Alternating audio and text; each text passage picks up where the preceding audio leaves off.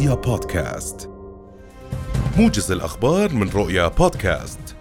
يترأس جلالة الملك عبد الله الثاني اليوم جولة جديدة من مبادرة اجتماعات العقبة والتي تعقد العام الحالي في مدينة قرطبة بإسبانيا. وستركز الاجتماعات على منطقة غرب أفريقيا والساحل بمشاركة رؤساء دول ووفود من الإقليم وعدد من الدول والمنظمات الشريكة للمبادرة.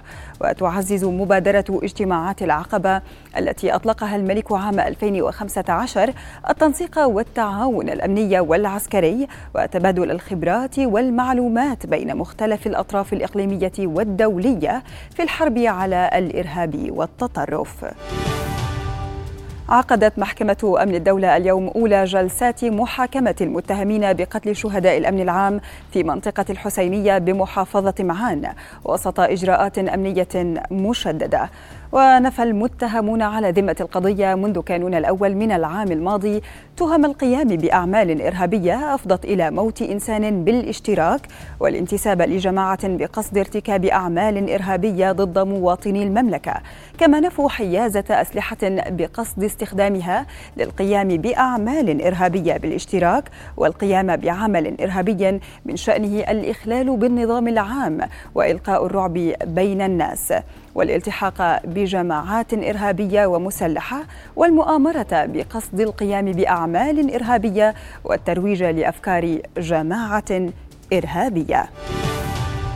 صرح مصدر عسكري مسؤول في القيادة العامة للقوات المسلحة الأردنية الجيش العربي بأن رائد الطيار علي أحمد محمود الحراسيس من مرتبات سلاح الجو الملكي استشهد إثر تحطم طائرة مروحية عسكرية.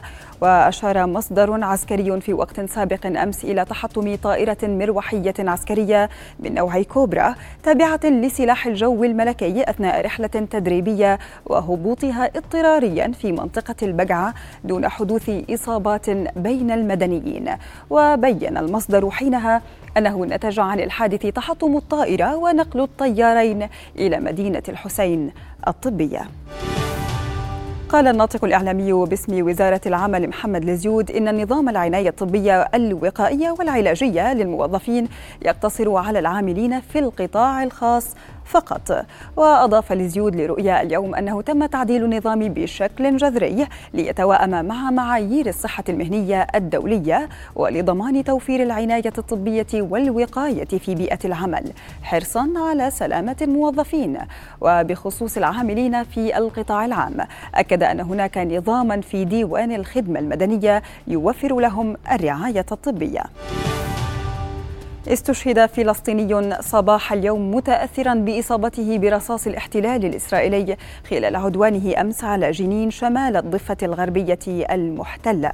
وارتفع بذلك عدد شهداء عدوان الاحتلال على المخيم إلى ستة شهداء وكان خمسة فلسطينيين بينهم طفل استشهدوا أمس وأصيب نحو تسعين آخرين خلال اقتحام جيش الاحتلال الإسرائيلي مدينة جنين ومخيمها شمال الضفة الغربية المحتلة.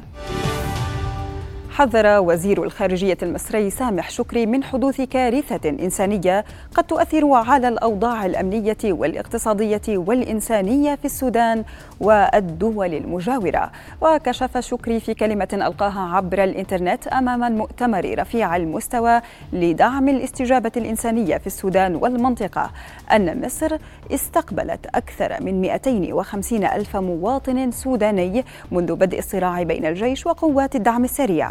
معلنا إطلاق مبادرة مصرية قطرية مشتركة لضمان توفير الدعم للسودانيين بما ييسر استمرار تدفق المساعدات الإغاثية.